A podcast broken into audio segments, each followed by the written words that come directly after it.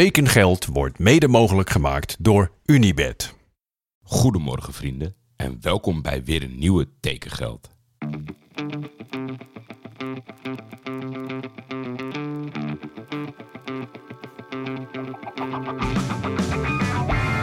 Waar gaat Hilterman naartoe? kan u mededelen dat er overeenstemming is bereikt met Johan Cruijff bij Feyenoord. Navarone voor. Vandaag in andere kleuren, hè? Ja, dat zeker. Dat is wel even wennen natuurlijk. Berghuis, een van de meest besproken transfers ooit, denk ik.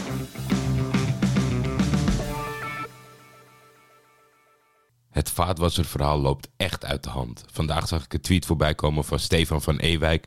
En ik moest denken aan Expected Keukenblad. Want er moest met alles rekening worden gehouden. Metingen waren geen metingen. Je moest de afstand rekening houden. In, uitruimen.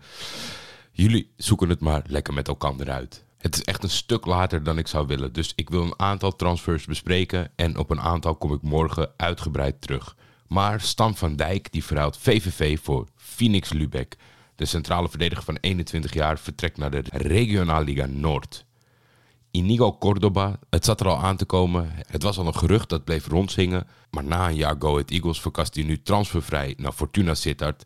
En ik heb mij laten influisteren dat het zeer interessante aanwinst is voor Fortuna Sittard. Als ik kijk naar de statistieken is het niet echt een gever. En, dat zijn, en Fortuna is natuurlijk op zoek naar een aangever ten opzichte van Boerak. Maar we gaan het zien. Misschien dat hij met een spits naast zich zich compleet anders ontwikkelt.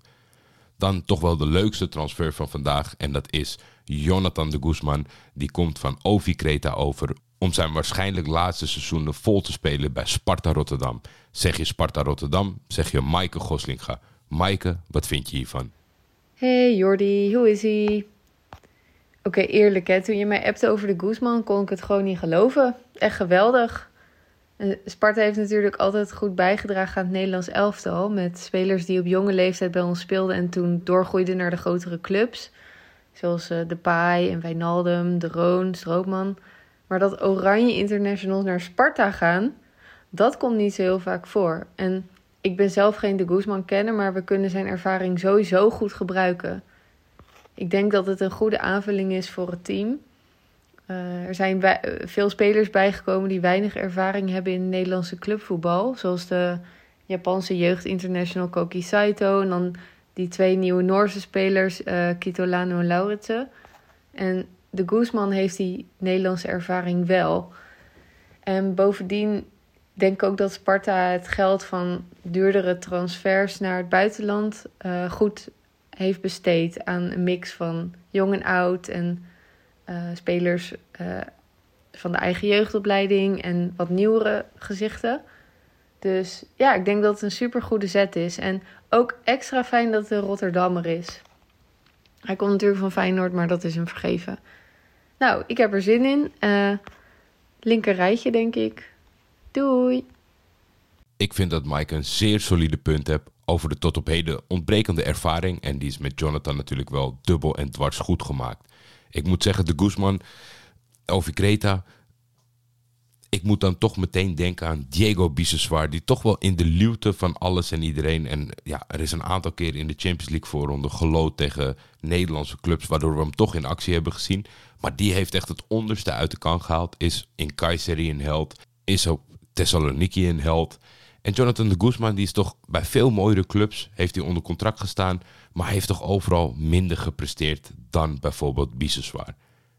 Dan is Brian Brobby thuisgekomen. Natuurlijk een van de meest absurde transfers die er zijn. Uh, wilde niet verlengen, kwam er niet uit met Ajax, tekende transfervrij bij Leipzig, tekengeld gepakt, dik contract. En toen kwam Ajax op de deur bonken, mogen we hem terug. En natuurlijk werkt Leipzig daar niet aan mee. In eerste instantie deze zomer waren een aantal Ajax-supporters die boos werden op uh, Tottenham Hotspur dat ze zich niet begripvol opstelden. Hier werd er toch meer gekeken naar Brobby zelf. Ik vind het vooral fijn dat die jongen terug is. Ik zou zeggen mediaafdeling, armen over elkaar, niks meer doen. Alles door Brian Brobby. Persconferenties na de wedstrijd, voor de wedstrijd, tv-optredens, noem het maar op. Het is de meest vrolijke speler van de Eredivisie en we moeten blij zijn dat hij weer terug is. Dan heeft Vitesse een nieuwe spits in Mohamed Sanko. De 18-jarige talentvolle spits heeft bij Stuttgart zelf nog amper speelminuten gemaakt. Volgens mij kwam hij op een stuk of 20 in twee wedstrijden. Dat is niet veel, maar ik heb toch een goed gevoel bij deze jongen. Dan de rechtsbuiten Savio. We hebben het al een keer behandeld over de rare handelswijze. Troyes heeft hem gekocht voor de Citigroup en nu wordt hij doorgestoten naar PSV. En op papier snappen we er niks van, maar ik denk dat ze in Eindhoven heel blij zijn met deze Braziliaanse aanwinst. Dan een oude bekende die terugkeert in Metehan Güçlü. Uh, Turkse spits, 23 jaar, staat onder contract bij Stade Rennes. Afgelopen seizoen natuurlijk al gehuurd door Emmen en nu komt hij transfervrij over. Hij heeft niet heel veel indruk gemaakt, maar in de wedstrijden dat hij kon spelen, heeft hij wel laten zien dat het een talentvolle jongen is. Dus wat dat betreft, ik ben heel benieuwd of hij een toegevoegde waarde is voor het eredivisieniveau. Maar ik vind het mooi dat Emmen in die paar wedstrijden voldoende heeft gezien om hem nog een kans te geven. Dan zijn er nog drie spetterende transfers. Maar ja, die ga ik nu tekort doen op dit tijdstip en dat wil ik niet. Dus daar duiken we morgen veel dieper op in. We hebben een speler die van Inter naar Eindhoven verkast. Een megatalent van Norwich naar Twente.